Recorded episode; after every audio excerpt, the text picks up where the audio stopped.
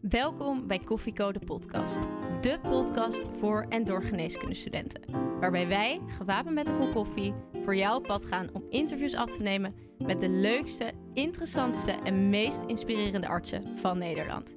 Dit is Koffieko. Hey Ko, ja wat doe je daar? Er staat een carrière voor je klaar. Maar je weet nog niet wat en waar. Een cappuccino maakt het minder zwaar. Dus zet je volumeknop omhoog. Want je luistert Koffieko en je weet het zo. Papa, papa, ba, da.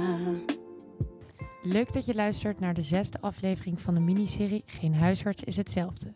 Wij zijn Teuntje En Duveke. en momenteel zitten we in Rotterdam in de huisartsenpraktijk van een wel heel bijzondere huisarts, Dr. Shakib Sana. Dr. Sana is naast huisarts in Delfshaven en Leerdam ook net na de aardbeving in Turkije op 6 februari 2023 naar de rampgebieden getrokken om daar hulp te verlenen. Shakib, dokter Sana. We hebben even mogen wachten op dit moment. Soms eh, vroeg ik me af, het lijkt wel alsof we bij u meer dan 24 uur in een dag zitten. Heeft u ook wel eens tijd voor ontspanning? Oh ja, zeker.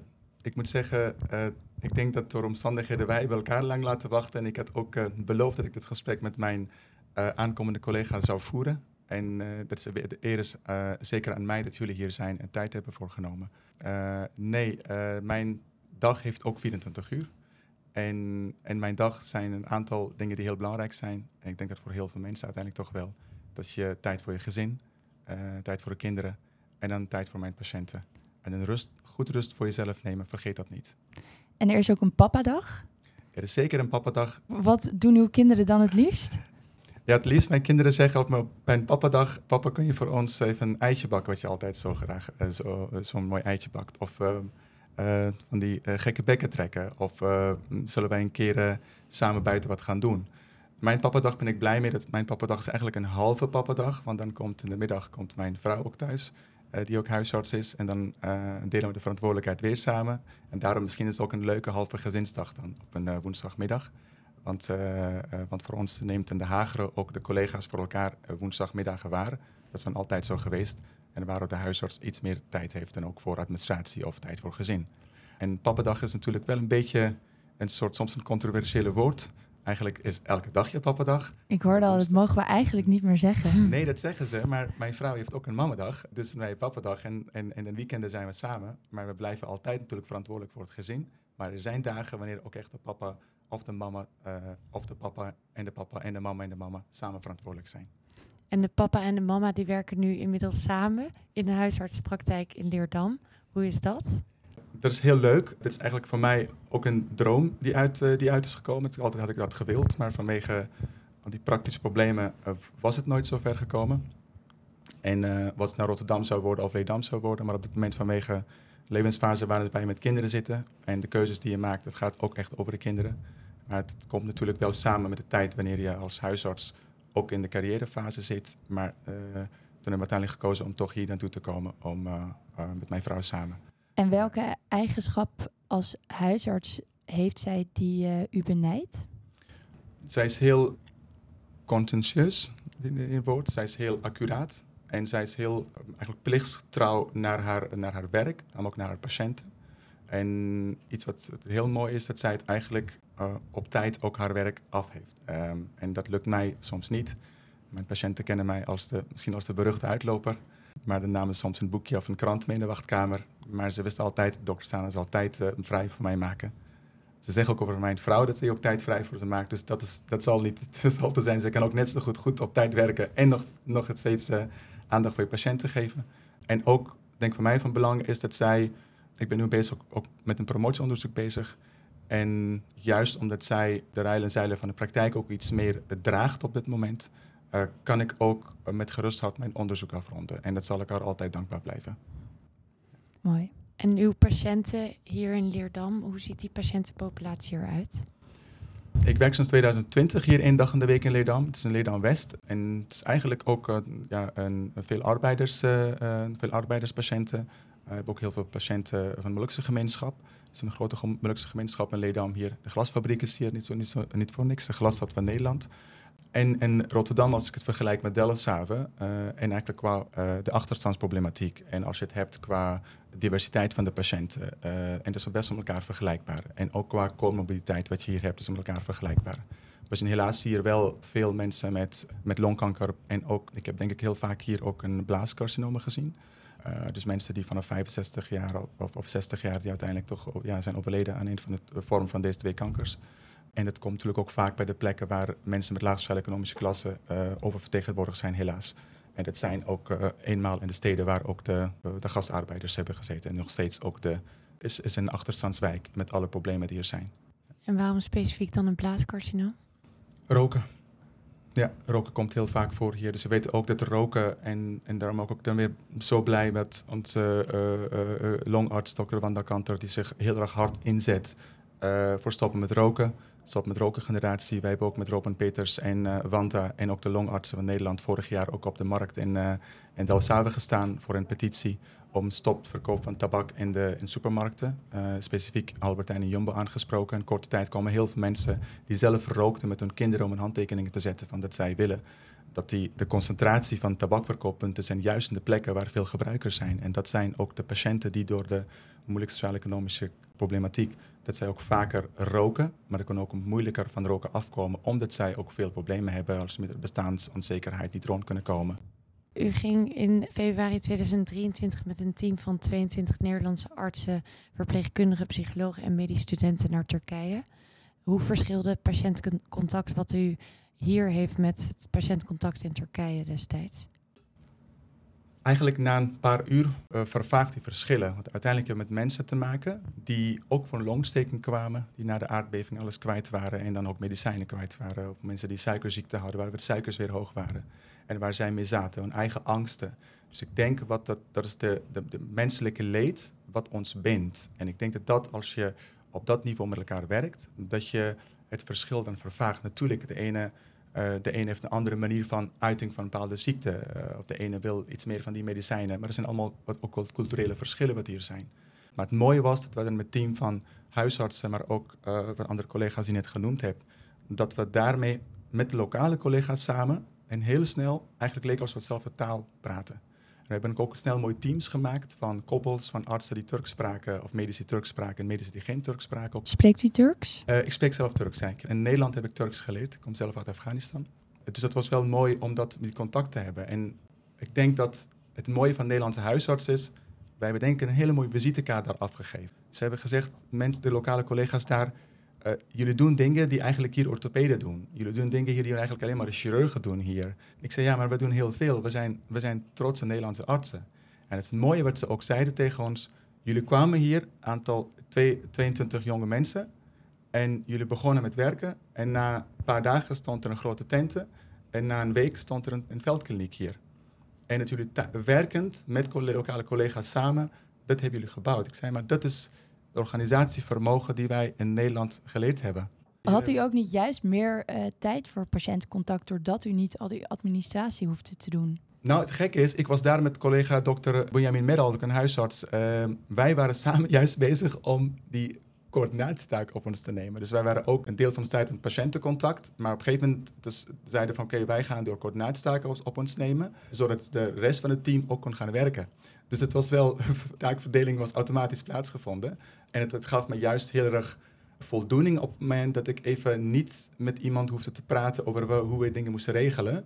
Maar ik ook echt de patiënten moest daar behandelen. En dat was, en er was geen enkel verschil. Het was samen met een assistent-chirurg en, uh, want heel veel mensen waren ook met, met vette ulcus aan de voeten, maar ook diabetische voeten.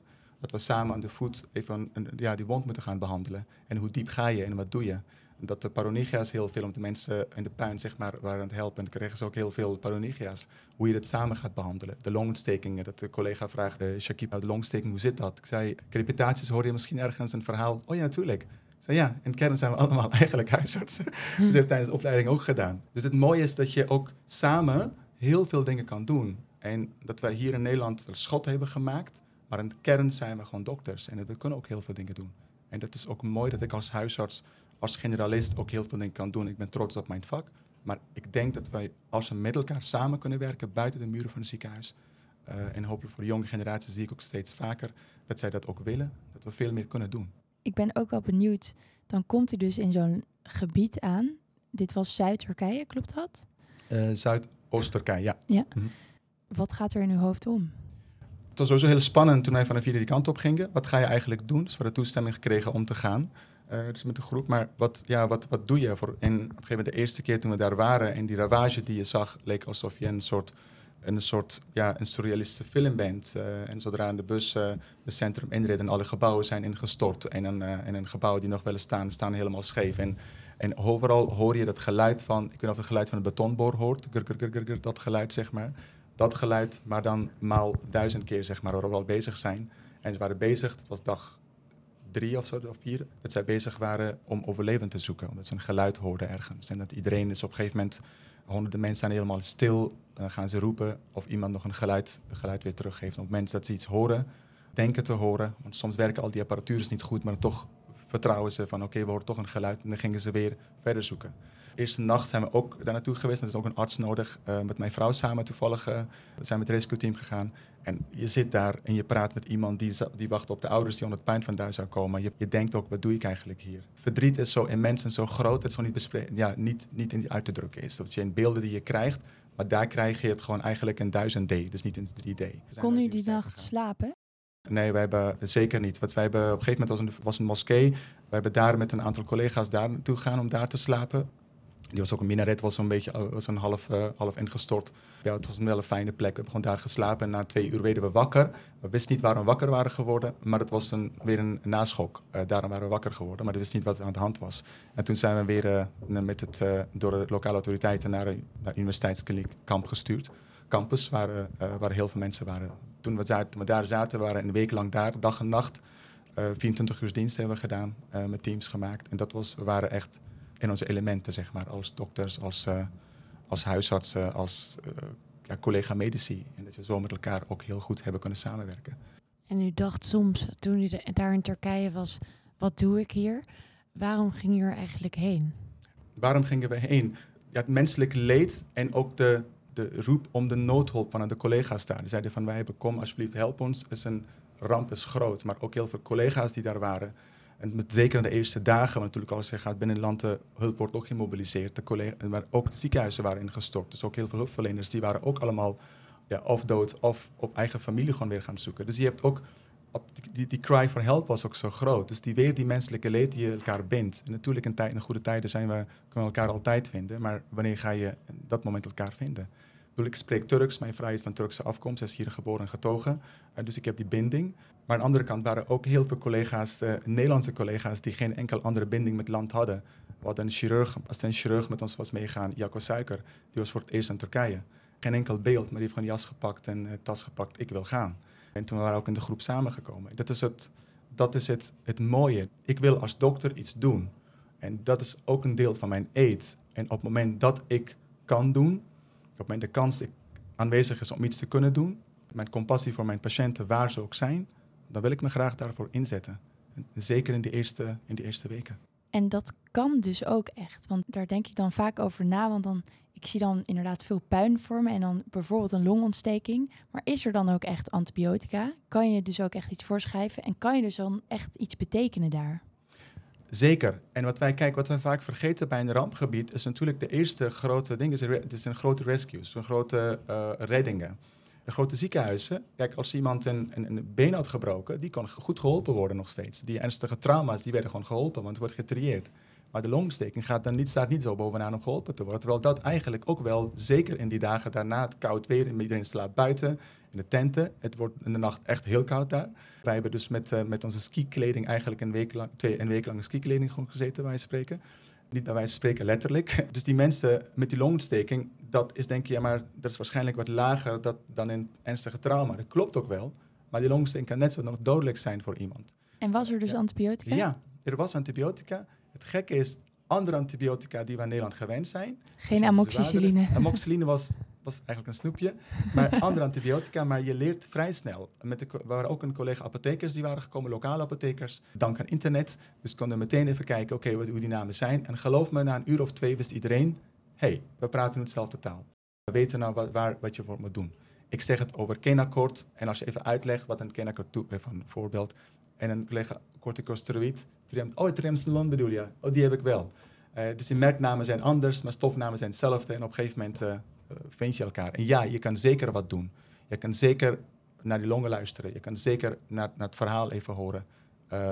Met, ook met de Nederlandse collega's. En je kan zeker antibiotica geven. En mensen kwamen na twee, drie dagen, wanneer het beter ging, je had antibiotica gegeven voor een wond of voor een infectie. Zij kwamen antibiotica teruggeven, want we hadden inderdaad weinig antibiotica. Het gaat goed met mij.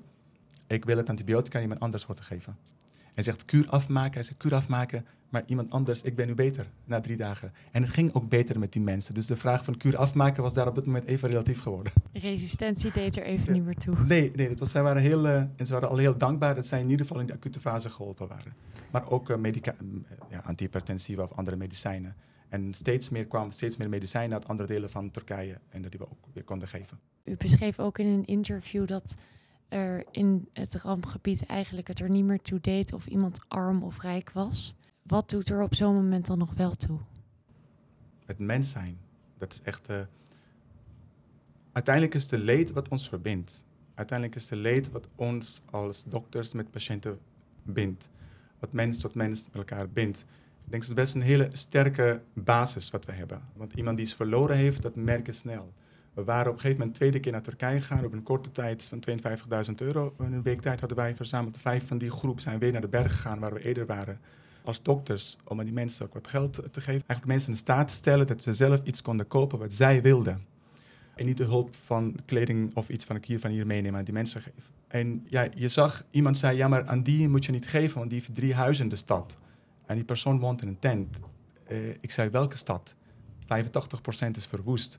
Dus die huis is er niet meer. Dus die man of die vrouw is net zo arm als iedereen. En dat was ook het enige gelijke. Dus iedereen was in één keer, in één keer gelijk. Maakt niet uit als jij een, een, een miljonair was of, of, of was jij een, een bedelaar. Je was in één keer gelijk. Iedereen woont in dezelfde tent. Iedereen stond in dezelfde rij voor de voeding. Bij hetzelfde toilet die je ging gebruiken. Uh, of bij dezelfde douche en dezelfde verdriet en leed. En dat was heel mooi om te zien. Dat die, die compassie voor elkaar, dat we soms heel makkelijk kunnen kunnen vergeten, maar we moeten wel blijven poetsen. En het hoeft niet altijd een ramp plaats te vinden om de compassie voor de anderen te tonen. Dat kunnen wij in dagelijkse contacten als dokters met elkaar, met patiënten, ook echt doen. Hoe houd je dan in zo'n situatie nog hoop? Als er zoveel puin is en zo, wat u zei, 85% van de stad die weg is. Ja. Dat leer je van iemand die had 75 familieleden verloren. En dan zegt hij, het is een abstract getal. Ik kan niet eens voorstellen wat dat betekent. Ik zeg, hoe komt dat nou? Het zijn gewoon uh, familieflats. Dus heb je wel in Turkije bijvoorbeeld, je hebt een familieflat en daar wonen dus families bij de flats ingestort. 50, 50 70 mensen verloren. Maar die persoon was daar ook op de campus om te helpen. Om te helpen wat hij, zij kon. Uh, helpen met vuur maken, helpen met uh, thee maken voor, voor, voor de arts. Uh, of met elkaar uh, gedichten maken of zingen. En dat geeft je hoop. En dat is de, als mens zijnde je, je drive om te overleven. Want het leven is heel mooi. En die drive om op benen te staan en die drive om het leven de mooie dingen te pakken, dat geeft je hoop. Zo iemand die, één iemand heeft verloren of 75 mensen verloren, maar die staan ook op een gegeven moment voor je, schouder aan schouder om te helpen, dat geeft je hoop ik zou na een week terugkomen in mijn warm bad. Voor hen is dat eigenlijk een heel lange tijd niet meer zo. En toen wij terugkwamen met het vliegtuig naar Nederland, dan zie je een uh, man van de jaren 55 en die had zijn, uh, met een tas, hij zei, dit is mijn rugtas en ik ga nu naar Istanbul een nieuw leven beginnen. Ik heb mijn uh, zus en haar man begraven, uit de pijn gehaald. Mijn huis is weg en het is klaar voor mij hier. Ik ga een nieuw leven starten. Het zelfs zo'n iemand die hoop heeft om ergens een nieuw leven te starten met de verdriet die hij of zij draagt. En dat geeft je hoop. Dat wij als mensen, maar hetzelfde hoop is die mij ook en als huisarts zijnde een palliatieve patiënt geeft. Die in een fase zit waarin je denkt als dokter, maar dit als mens zijnde, maar hoe kan dat nou?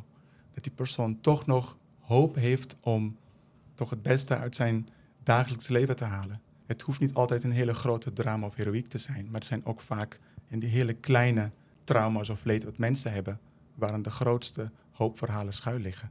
En dat zie je als huisarts hier, dat zie je als huisarts daar. En dat zie je eigenlijk als dokter zijnde. En u zegt, u kwam thuis zelf in een warm bad. Dat kan natuurlijk iets van een schuldgevoel met zich meebrengen. En dat is ook waar veel mensen nu met al het nieuws en leed wat gaan is, ook last van hebben. Dat je een soort schuldgevoel hebt voor hoe mooi en goed we het hier hebben. Hoe gaat u daarmee om? Ja, de schuldgevoel is aanwezig. De schuldgevoel is zeker ook op het moment dat je komt en eerst onder de douche gaat. Je denkt aan die mensen daar. Maar het schuldgevoel is eigenlijk ook hoe buig je het om in de dankbaarheid van het feit dat ik iets heb kunnen doen. Dat we met ons team die kant op zijn gegaan om iets te hebben kunnen betekenen. Er zijn veel collega's die heel veel last van hebben gehad en nog steeds last, last van hebben. Maar dat hebben ze nog niet weerhouden om voor de tweede keer weer te gaan. Uh, om weer te helpen toen wij het voor de tweede keer waren gegaan. Maar we hebben ook toen een team van psychiaters uh, gesproken. Ze zijn heel blij mee met Kaleidenzorg. En mijn collega psychiater Janer Basharan, die het ook echt een, ook een, een, een team klaar hadden om met mensen in gesprek te gaan. Een team die ook hetzelfde had gedaan tijdens corona. Een hulpverlener is ook een, ook, ook een soort uh, therapielijn gestart met hen. Maar dat is en dat hoort bij een mens, die schuldgevoelens zijn. Maar hoe ga je het weer omdraaien? Dankbaarheid dat ik het dat ik heb kunnen doen, dat ik in die gelegenheid was om die kant op te gaan. Maar daarna, hoe kan ik mezelf inzetten om het leed van mensen wat daar is, ook het gezicht te geven? Want niet iedereen in Nederland is die kant op gegaan. Maar wanneer zij het verhalen horen wat, wat wij hebben gedaan, of hoe het leed eruit ziet en het leed een gezicht te geven, ik denk dat je dan ook in een bevoorrechte positie bent dat je dat kunt doen. En hoe geeft u dat leed een gezicht? Om het, om het leed geef je gezicht om het persoonlijk te maken. Het leed, leed geef je gezicht om... Het ergste is wanneer, wij, wanneer doden getallen worden. Het ergste is wanneer... Uh, het kan een ramp zijn, het kan een oorlog zijn. Maar wanneer mensen getallen worden en elke dag open in live blokken zie je weer hoeveel getallen bij zijn gekomen, dan is het eigenlijk een dehumanisering. Dan wordt het heel abstract. Maar hoe ze geven het gezicht om de persoonlijke leed van mensen die daar zijn, om dat een gezicht te geven en eigenlijk te kijken met de ogen van een mens zoals je hier bent. Ja, je bent eigenlijk ambassadeur. Aan de ene kant is leed, aan de andere kant kun je niet voorstellen wat leed is, met elkaar verdelen. Met elkaar in contact brengen. Omdat is wanneer, hoe kun je die compassie voor elkaar weer krijgen. Ik zie dat het u ook best raakt. Het doet u nog pijn. En toch gaat u door. En u houdt zich ook bezig met andere humanitaire rampen. En ja, u bent erg maatschappelijk betrokken. Denkt u wel eens erover om dat niet te doen? Ik kan me voorstellen dat het best ja, het, raakt, het is moeilijk, het doet pijn. Ja, het is zeker zo. Het is moeilijk, soms denk je, waarom doe ik dat? Maar aan de andere kant is dat weer dat stukje van, ik ben in een bevoorrechte positie met mijn mensen gelijkgezinden. Als het Turkije is met het team, of het hier is met een collega's die op markt waren gegaan. Dat wij wel in die positie zitten om wel mensen te kunnen bereiken. Voor de minder bedeelde samenleving hier of daar. Natuurlijk raakt het hier als ik een patiënt heb geholpen met een palliatieve sedatie. Dat raakt je ook, dat nemen we ook mee. En op het moment dat je het zo over praat, dat raak je. Maar we zijn denk ik af, de afgelopen dagen allemaal heel veel mensen in een, in, ja, in een rouw en in, in, een zee van leed en de berichten die komen wat ons allemaal raken. Ook vanuit de rampgebied en van oorlog wat er op het moment aan de gang is. Met humanitaire ramp wat er is. Dus dan kan zijn dat de emoties wat, wat meer wat aan de oppervlak komen. En het is niet erg om dat uh, te uiten. Dan zijn we heel dicht bij ons menselijk karakter.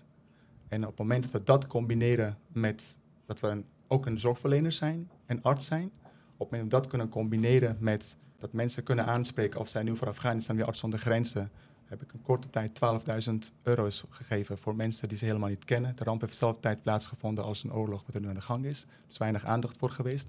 Maar toch heel veel collega's hebben dat gezegd. Fijn dat jullie toch aandacht voor geven dat we daar ons steentje kunnen bijdragen. En ik denk dat is continu vertaling van die emoties weer terugbrengen naar hoe kan ik het leed hier weer vertalen. En hoe denkt u dat u als Nederlandse huisarts de grootste impact kan maken? Kan beginnen in je eigen praktijk, met de patiënt in contact. Maar kan ook beginnen in een gesprek met wat ik nu doe met jullie, met collega's. Met jonge collega's met name. Dus hoe kun je hen inspireren? Maar het kan ook zijn bij maatschappelijke problemen. Wanneer het gaat om een groep die eigenlijk wat minder bedeeld is, zoals coronavaccinatie of roken of de armoede en bestaanszekerheid. Maar het kan ook zijn in een rampgebied ergens of in een oorloggebied. Dus hoe kun je daar wat voor betekenen? Maar het belangrijkste in Nederland als huisarts heb je geleerd dat je naar heel de mens moet kijken. Ik ben trots dat ik op Erasmus Universiteit heb gestudeerd. En Erasmus zegt ook heel de mens. Heel de, heel de wereld is mijn vaderland. En we kijken ook naar heel de mens. En op het moment dat je dat met je meeneemt in een rampgebied, waar het ook is, of is het hier om een steun te vragen voor een bepaalde oproep, dan maak je het eigenlijk een compleet beeld. Want dan zie je naar maatschappij of naar mensen als één geheel. Ik denk dat, dat is je meerwaarde als Nederlandse huisarts. Plus wat ik in Turkije heb gezien, hoe kundig wij zijn en hoe goed we ook, ook samen kunnen werken met collega's hier, waarom wij niet goed kunnen samenwerken, lijkt dit. Maar we daar eigenlijk wel een kliniek in een, in een korte tijd kunnen opzetten. En ook gewoon daar met elkaar diensten doen en samenwerken, waar de verschillen ook vervagen. En stel u zou één dag minister-president van Nederland mogen zijn. Welke regel zou u dan door willen voeren? Zo, dat is een hele. Welke regel zou ik door willen voeren? Eén regel zou ik willen doorvoeren. Dat wij er moeten, moeten zorgen dat de, alles wat wij in Nederland gaan doen als overheid, is het voor, voor beleid, is het voor, voor zorg, dat geen enkel beleid in Nederland mag de bestaande gezondheidskloof vergroten. Er moet een toets komen. Dus alle beleid die we hebben gaat over inkomen, gaat over teruggeven energietoeslag. Dat mag niet de bestaande gezondheidskloof dus vergroten, want dat raakt ook, de gezondheidskloof is eigenlijk een hele een uiting van die bestaansonzekerheid bij heel veel mensen. Dat zie je de afgelopen tijd gewoon heel veel. Klein voorbeeld, ik krijg vorig jaar twee keer energietoeslag terug, 400 euro of zo of iets minder. Met mijn inkomen als huisarts, mag iedereen even googlen wat een huisarts verdient. Mijn moeder, veel van mijn patiënten, met veel minder inkomen, net bij de minimumloon, zij krijgen hetzelfde bedrag. Zij moeten het bedrag gebruiken om een energierekening te betalen om rond te komen, of mijn patiënten voor hun medicijn te kopen of een andere achterstallige betalingen. betalingen. Mijn bedrag gaat naar een bankrekening. En als ze kan vragen, maar ik wil, mijn, ik wil toch mijn moeder helpen of mijn patiënten helpen, ja, geef het geld aan een voedselbank. Want anders moet je daarover belasting betalen, dus het wordt een soort een vorm van een schenking. We kunnen alles, zijn we bezig om alles kapot te organiseren, dat iedereen willen blij maken. En uiteindelijk maken wij daarmee de kloof alleen maar groter. We willen graag een vraag aan je stellen die is gesteld door de vorige huisarts die we hebben geïnterviewd, namelijk Doreen Zwart. Ik heb enorm veel bewondering voor deze collega. Ik ben heel erg benieuwd hoe hij zijn passie voor het huisartsvak in Nederland combineert met zijn grote hart uh, voor, de, voor dit soort de vluchtelingen en de, de moeilijke gebieden in, uh, in de wereld. En uh, hoe hij dat met elkaar combineert. Ik denk dat dat in de, waar we het net ook over hadden, in de kern van dat filosofie van Erasmus zit, de heel de mens. Ik wilde altijd huisarts worden, het eerste of tweede studiejaar al. Ik wil huisarts worden en daarna zal ik kijken wat ik dan word. Dus dat was meer het idee van ik wil echt dat, dat doen. En ik denk dat dat is voor mij het idee van heel de mens, naar heel de mens kijken. En natuurlijk hoeft niet iedereen in de wereld huisarts te worden. Er zijn ook andere mooie vakken. Maar je kan ook, wat voor dokter je ook bent, als je daarmee ook naar kijkt, naar het grote plaatje te kijken. Voor de patiënt die voor je zit. Patiënt is veel meer dan alleen een bepaald orgaan die op het moment niet werkt. Het kan ook zijn in de, het breder in de maatschappij, wat je rol is als dokter. Want patiënten vertrouwen. 90% van, van de Nederlandse samenleving die heeft vertrouwen in de, in de dokters in Nederland. En meer dan 95% of rondom vertrouwen in huisarts. En dat is een keer op keer onderzocht door de Raad van Volksgezondheid en Samenleving. En dat is een groot goed die je, en die je kunt ook inzetten om de problemen die er zijn te signaleren. Maar ook de leed wat ergens anders is, om dat ook weer in, in, ja, in gezicht te geven. En dan hebben we ook nog een vraag van Florien van Rooyen. Ik kan me voorstellen dat, dat het heel veel voldoening geeft en heel goed voelt om je in te zetten. Ik kan me ook voorstellen dat het dan heel veel van jezelf opslokt. Hoe, hoe zorgt hij voor zichzelf in dat soort gebieden? Een heel belangrijke vraag. En, en, en het is door toch echt drie keer per dag te eten, jezelf heel banaal warm aan te kleden, op tijd slapen en met elkaar de dag, met het team, een paar tijd elkaar de dag doornemen. En met elkaar blijven lachen. Want op het moment dat je dat niet doet en ga je alleen, dan ben je eigenlijk zeven dagen lang 24 uur aan het werk en dat kan geen enkel mens volhouden. Dus je moet even weer terug naar je normale, basale niveau. Want daar, daar haal je weer energie. En dan kun je gewoon weer verder. Maar ook kijken naar elkaar, naar collega's en team. Van, hey, je hebt nog niet gegeten, je moet nu gaan eten. Je moet nu dat gaan doen, want soms wil je gewoon blijven werken. Absoluut belangrijk. Mooi. Nadat je dan naar zulke soort gebieden bent geweest, mhm. hoe zit u dan tegenover uw patiënt? Bent u dan nog dezelfde arts? Ja, ik ben, uh, toen ik terugkwam, uh, dat was die avond, uh, kwam ik terug. En de volgende dag, want de collega's hadden hier voor ons echt, we zijn eh, heel dankbaar dat zij er voor ons eh, waargenomen.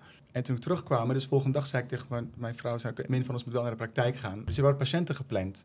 Sowieso toen we binnenkwamen, het was hier al een hele mooie, vanuit de assistentes hadden zij ook heel mooi welkom terug berichten gemaakt hier. En toen patiënten kwamen, patiënten wisten ook dat we weg waren. En er kwam een gezin, een man, een en vrouw met een kind. Zij zei, ja, u komt uit een rampgebied en nu komen wij met een klein klacht. Hier. Ik zei, maar het is relatief. Die klein klacht voor u is het probleem wat u vannacht heeft wakker gehouden. De zorgen om uw kind. En daar zijn andere zorgen. Maar het gaat om zorgen. Dus ik ben nu als dokter volledig voor u. Nee, dat gaat niet relativeren. Dat gaat niet dat cynisme. Dat kan zijn, begrijp ik ook. Dat u, ja, uh, op het moment dat je dat binnenkomt, iemand tekort gaat doen. Want diegene die hier woont en hier leeft en een andere. En dat voelt u dus ook echt niet zo? Nee, dat voel ik echt niet zo. Dat voel ik niet en alles wat mij mij maakt. Nee, voel ik niet.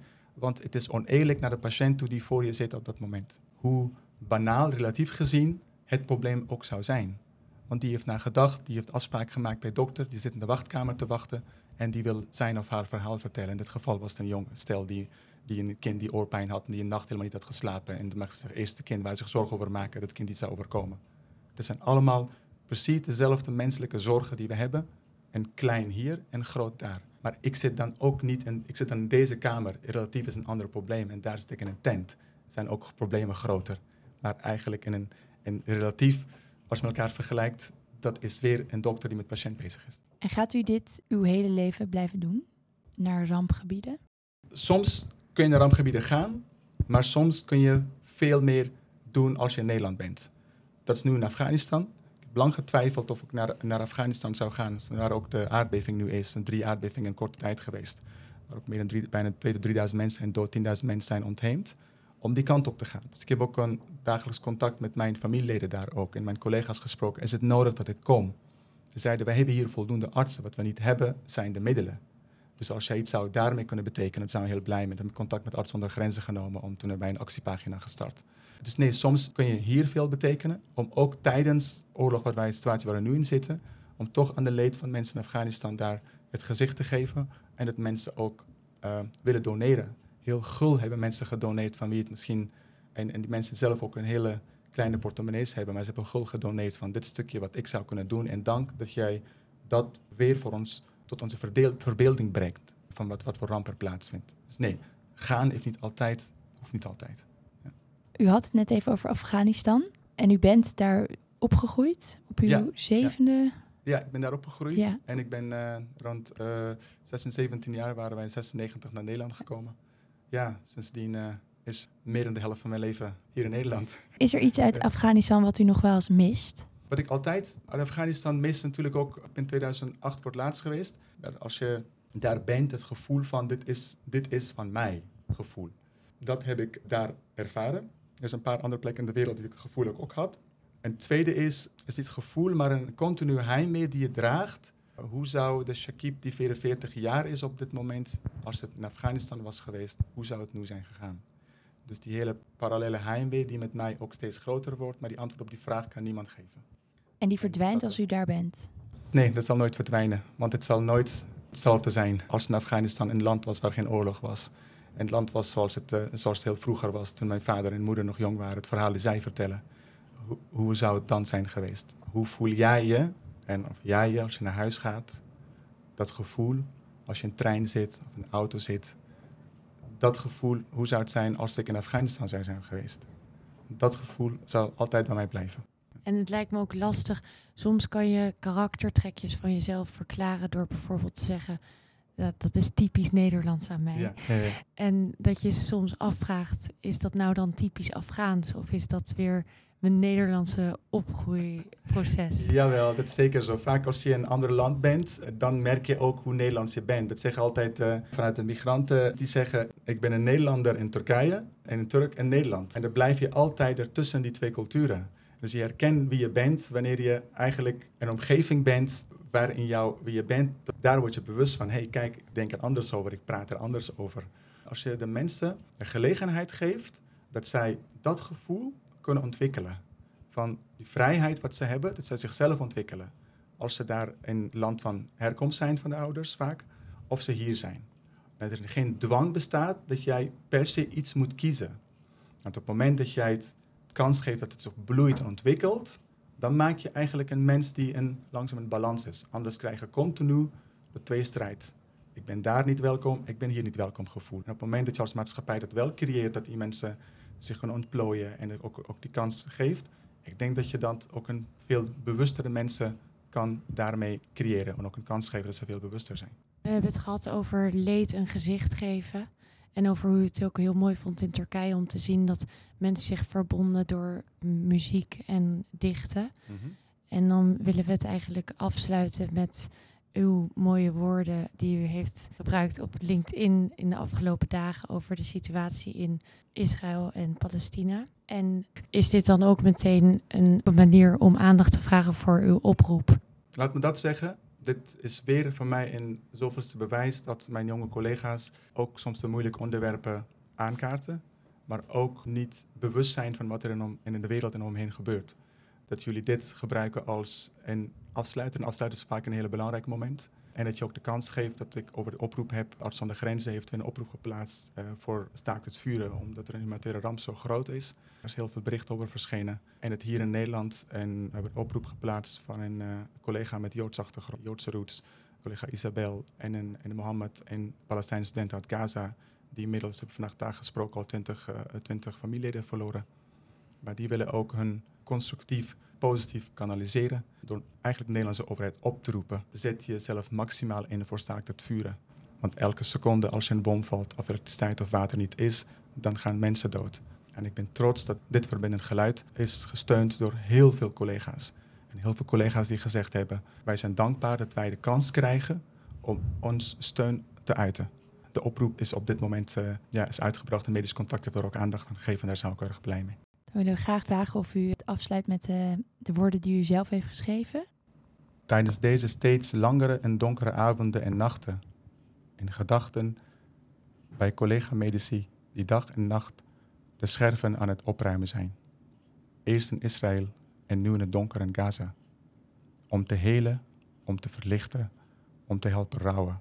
Maar altijd trachten om een sprankje hoop te geven aan mensen wanneer de menselijkheid even in het donker ondergedompeld is.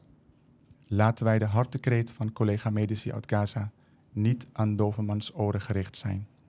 Anders zijn de wonden van de scherven van falende menselijkheid nog dieper, nog moeilijker om te helen, nog veel moeilijker om te troosten.